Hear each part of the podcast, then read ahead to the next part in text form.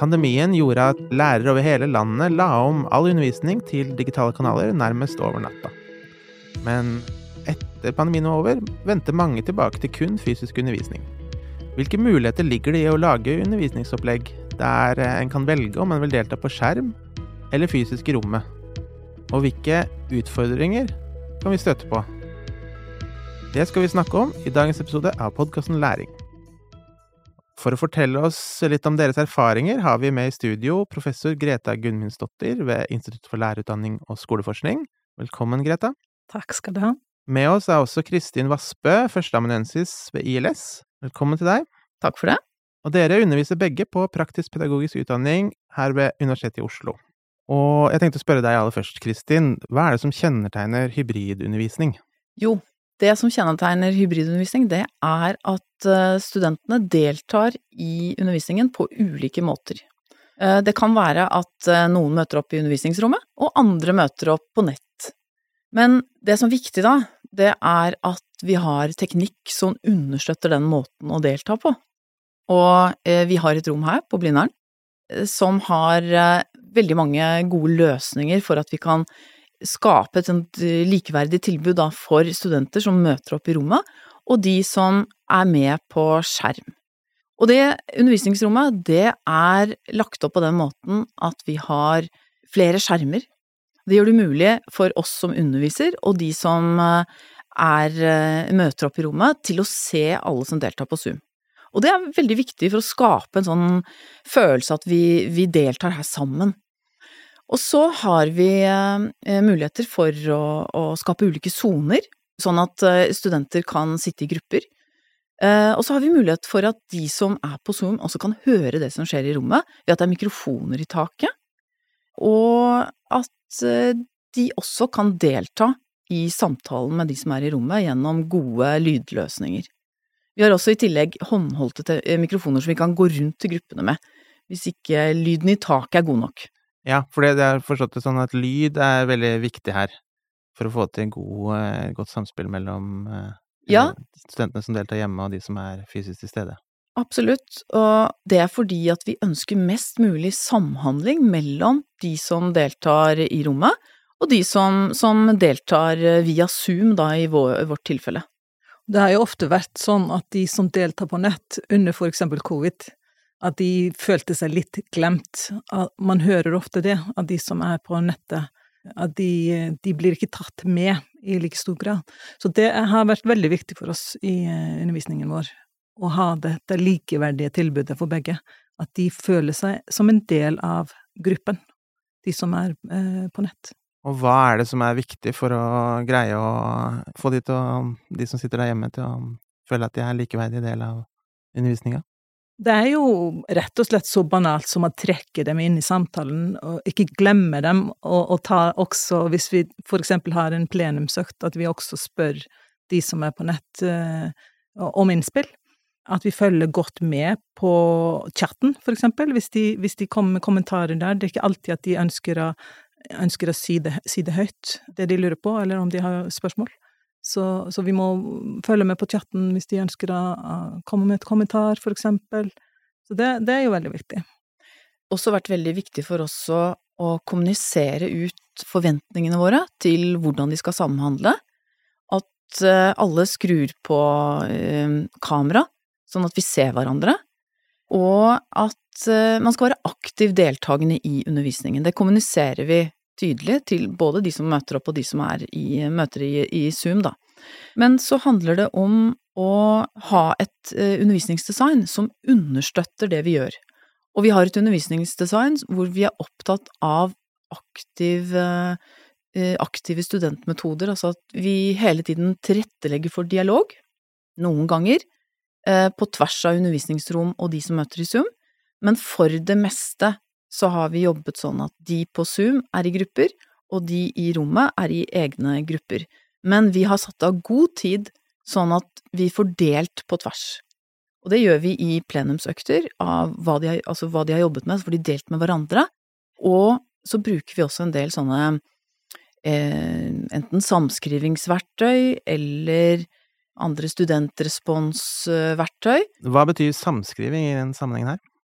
Det kan bety forskjellige ting, det, men det er Det avhenger i stor grad av at vi har en type teknologi som understøtter dette her. Altså at vi har muligheter for å vi har, altså vi har både læringsplattformen, og så har vi en del verktøy som, som hjelper oss å på en måte utviske litt av de grensene mellom rommet, undervisningsrommet, og Eh, deltakelsen eh, i, i Zoom ved at man produserer noe sammen. Og det kan være som at man skriver inn stikkord fra oppgaven sin, eller at man legger inn et case, for eksempel, fra, fra, gruppen som man deler med de andre, og så i neste oppgave så kan det være sånn at hvilke som helst av gruppene kan, kan plukke hvilket som helst case opp for å gå videre med det i neste oppgave. Det er sånn at man produserer ting sammen som studentkollektiv, på en måte, da. Og så er det, jeg tenker at, noe som kjennetegner egentlig vår undervisning, er også dette med omvendt design, at undervisningsdesignet vårt er mm. veldig, veldig viktig i denne sammenhengen for å få aktivert studentene, og for å få dem til å delta. Vi planlegger det slik at de har alltid noen forberedelser som de må gjøre, og så designer vi eh, selve mm, seminaret når vi treffer dem, enten på Zoom eller, eller i rommet. Altså designer vi oppgavene slik at de bygger på det de har gjort hjemme. Så det, det blir rett og slett ubehagelig for dem å ikke ha gjort eh, hjemmeleksa. Så, så, det er også en del Har en veldig stor betydning i å få dem med, og aktivere alle. Ja, så det er ikke sånn at eh, studentene som sitter hjemme, ser på studentene på campus som gjør all jobben her? Nei, vi trekker dem veldig aktivt inn i undervisningen og i gruppearbeid og så videre. Og det er også det som vi har med oss når vi planlegger, for det er en viktig ting med hybridundervisning, det må planlegges veldig godt. Det er liksom denne faglige dimensjonen, den pedagogiske dimensjonen, og så er det den, eh, en del sånn tekniske grep, altså den tekniske dimensjonen, som er veldig sentral her. Alt dette henger sammen. Og det Greta forteller om denne omvendte undervisningen, det er at vi rett og slett eh, lager et felles fundament ved, ha, eh, ved at studentene har gjort en del oppgaver hjemme, som gjør at vi møtes, alle vet hva vi skal snakke om nå når vi møtes. Og når vi er så store grupper som vi er inntil 80 studenter, så er det viktig å bruke tida godt. Og å bruke tida godt, det handler om at studenter får lov å jobbe sammen, eh, være i dialog og skape noe sammen som er eh, tett knytta opp mot det som da er læringsmålene for økta. Men når vi har preparert, eh, lagt grunnen for at studentene er eh, preppa da, for å, å, møtes for å jobbe, så sparer vi også veldig mye tid. Ja, for det kan jo høres ut som det er betydelig mer arbeid for underviseren å planlegge en hybridøkt. Stemmer det, og i så fall, hva er fordelene? Jeg, jeg, tenker ja, det stemmer nok det, men for Kristin og meg så er dette gøy. Og det er jo egentlig det som motiverer oss.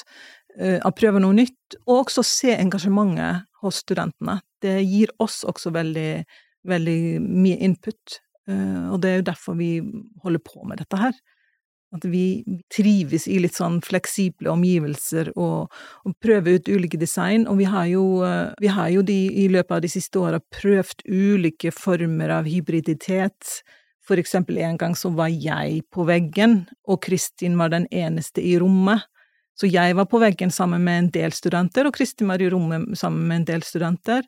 Men til vanlig så er vi begge to fysisk til stede.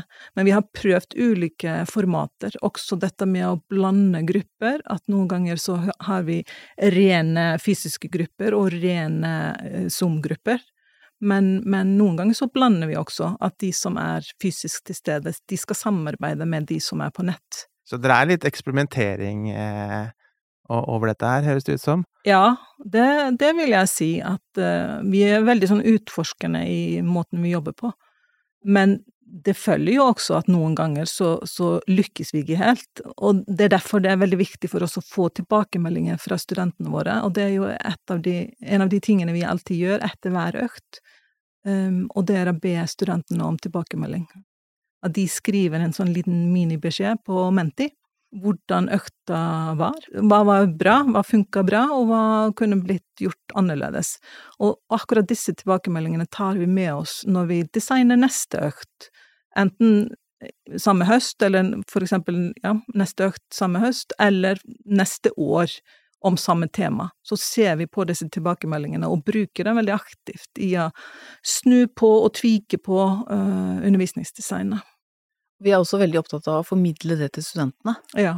Fordi vi ønsker, i tillegg til at vi er opptatt av dette med å skape dialog og eh, student, bruke studentaktive metoder, så ønsker vi også å, å utforske dette med samskaping av undervisning. Så vi inviterer dermed eh, studenter inn til å være med på å påvirke hvordan vi underviser, både neste økt, men også eh, hvordan eh, studenter året etter vil bli undervist av oss, da.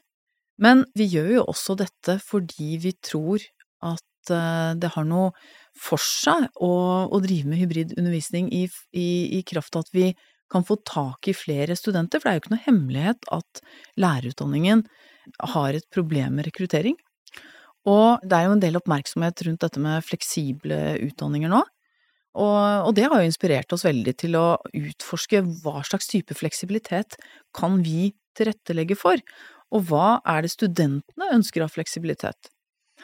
Og dette studiet som, som vi eh, driver, da, eh, nå er det det vi holder på med, er én del av studiet som er undervisning i pedagogikk. Det er der vi driver mest med denne utforskende tilnærmingen til hybridundervisning.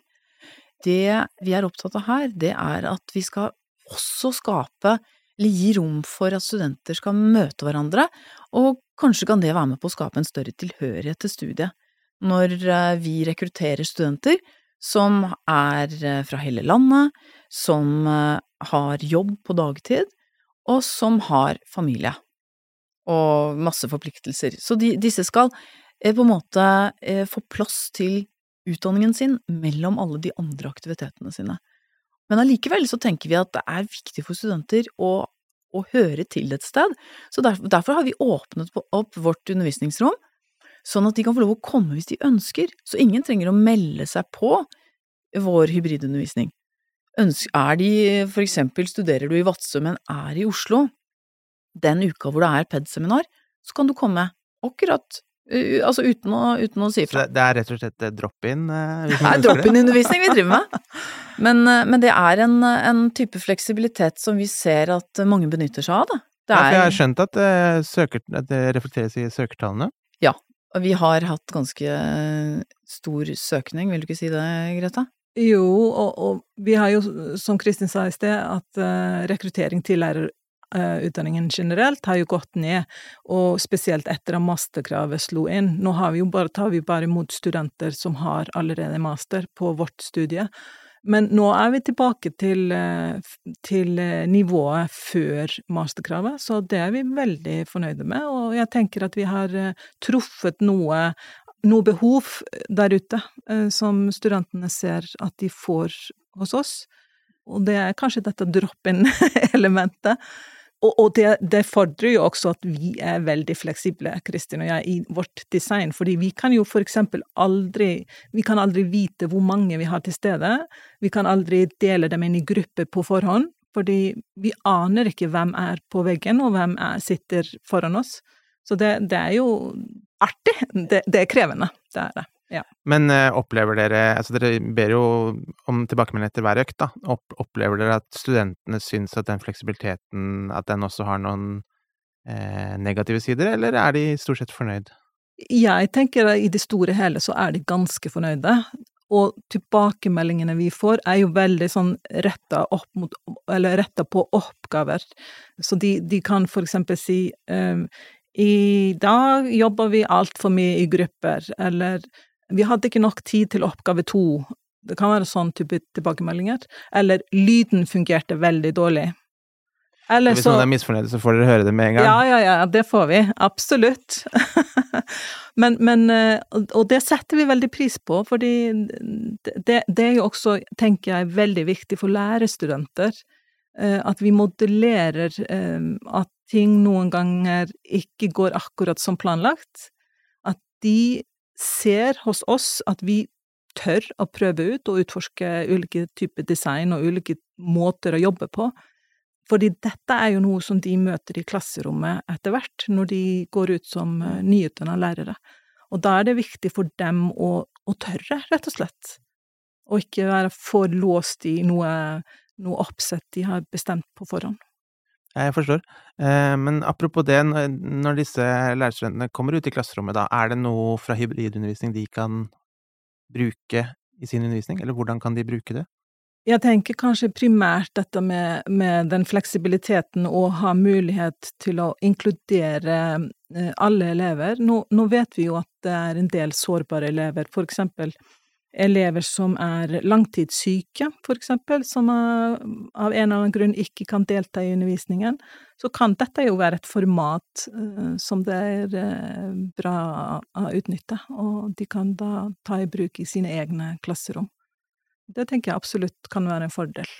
Så vi kan, ja, vi kan inkludere elever som rett og slett ikke kan komme fysisk ja. til undervisningen? Ja, for eksempel. Dere har da jobbet sammen med IDEA, som er da innovasjon og digitalisering i utdanning eh, her på Universitetet i Oslo. Kristin, kan ikke du fortelle oss er, hvordan foregår det samarbeidet?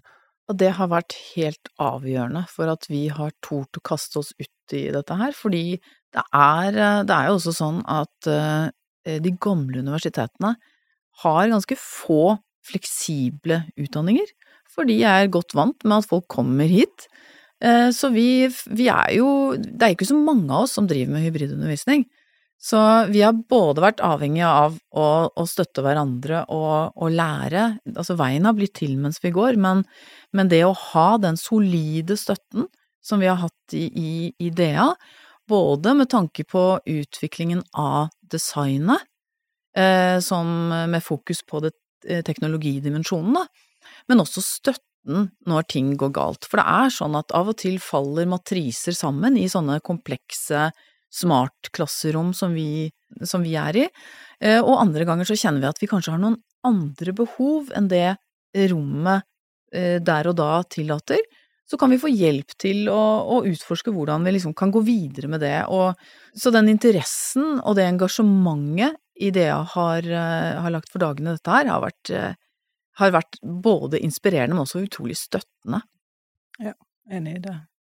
Hvis jeg skal spørre deg, hvis jeg er en lærerutdanner på et, et universitet eller en høyskole som ikke da har alle disse smart Eh, seminarrommene og den, den, type teknologi tilgjengelig, og kanskje heller ikke så mye kompetanse. Hva, hva vil dere råde, råde, meg til da, hvis jeg vil eh, komme i gang med hybridundervisning? Ja, jeg tenker kanskje å begynne smått, og ikke gape overfor for altfor mye. At du, at du velger ut for eksempel ett element eller ett seminar, og du prøver deg litt frem. Du ikke, ikke går for raskt frem. Det, det, er kanskje det viktigste, men, men det er jo for å, for å, lykkes med sånn type hybriditet, så er det jo veldig viktig at du har en viss, viss type teknologi til stede. Det, du er jo nødt til det. Og, og, dette med lyd, som Kristin har sagt, det er alfa og omega. Det, det, er det viktigste. Og det så vi jo også når vi begynte å undervise sånn, at da var det De første seminarene var det lyden alt gikk ut på, å få lyden på plass i begge rom, både fysisk og på Zoom. Det var det viktigste, at alle hørte alle. Så, men hvis du, hvis du ønsker å prøve, da tenker jeg kast deg ut i det. Dette er kjempespennende, og studentene er veldig engasjerte i dette her. De syns dette er gøy. Jeg vil tenke at det er viktig å ha en stor skjerm, ikke sant, som, ja. Eh, sånn at de som er i rommet, ser de som er på Zoom. Eh, og at du også gjør det som underviser, for ellers kan det være lett å glemme de, selv om de er mange, så kan det være lett å glemme studenter på, i, eh, på nett hvis ikke du ser dem. Og så er det viktig å tilrettelegge for eh, interaksjon, så ikke, ikke de som eh, eh, henger på veggen da bare henger der, for da blir man blir veldig lei hvis det blir mye som skjer i rommet, og så skjer, så skjer det lite på, på Zoom. Men også dette med å ha gode pauser, for det er viktig. Ja, eh, det har vi lært. Det har vi lært, og, og, det er både for de som sitter på Zoom, for det er, det er, mer slitsomt å sitte og se eller å være deltakende på en skjerm og sitte veldig stille over lang tid, enn, enn å delta i et undervisningsrom, for det er en annen type interaksjon. Men det er viktig både for de som er på skjerm, mener jeg, og de som er i rommet, for de som møter opp i hybridundervisning, de ønsker jo gjerne å snakke både med oss og med medstudenter. Så det blir viktig for oss å, å legge til rette for den typen interaksjon, da. Ja, og så bare en ting til som jeg tenker at uh, vi har lært, at det er dette med um, å metakommunisere. Forklare veldig tydelig hva er det vi skal gjøre, og hvorfor gjør vi det, slik at de følger Jeg, jeg tror at i et sånn hybridopplegg så må du forklare litt uh, mer enn hvis du hadde hatt alle studentene på samme sted, ett og samme sted. Så vi, vi er veldig flinke, eller flinke, vi, vi prøver så godt vi kan å forklare opplegget, hvorfor vi gjør det, hvorfor dette er viktig, og får dem til å reflektere over også sin rolle i dette her, at det er viktig for dem å være aktive og bidra. Mm. Og så ikke minst det der å ha oppgaver tilgjengelig på flere plattformer. Altså vi har powerpointen, viser oppgavene, men idet studenter går inn i det vi kaller for eh, breakout-rom, altså smågrupper på, på nett, så mister de jo powerpointen og syne hvis vi ikke har delt den ut i disse rommene. Men hvis vi har delt PowerPoint-presentasjonen i rommet, så kan ikke de dele skjerm med hverandre. Så det er mange sånne type ting, tekniske ting man må tenke gjennom, og da er det mye bedre å ha en felles læringsplattform, sånn som vi har Canvas, hvor vi har en egen modul for seminaret hvor alt ligger tilgjengelig. Og når studentene vet det fra dag én, at i seminarmodulen så finner du alt du trenger, så sparer vi også masse tid på spørsmål og kan vi, ikke sant, om, om sånn type forvirringer. Så det er å være veldig sånn, ha, som Greta sier, formidle klart og tydelig både forventninger og hvordan opplegget ser ut, og være sånn gjennomført på det fra dag én. Tror jeg er veldig viktig. Tusen takk, Greta og Kristin, for eh, både gode råd og inspirerende ord til de som eh, enten driver med hybridundervisning, eller eh, vurderer å kaste seg ut i det. Du har hørt en episode av podkasten Læring. Research var ved Magnus Heie. Episoden er laget i samarbeid med Idea, innovasjon og digitalisering i utdanning, og produsent var Clay Gwen. Læring finner du på nettsida og Facebook-sida vår, og ellers der du lytter til podkast. Anbefal oss gjerne til en venn. Mitt navn er Magnus Heie. Takk for følget.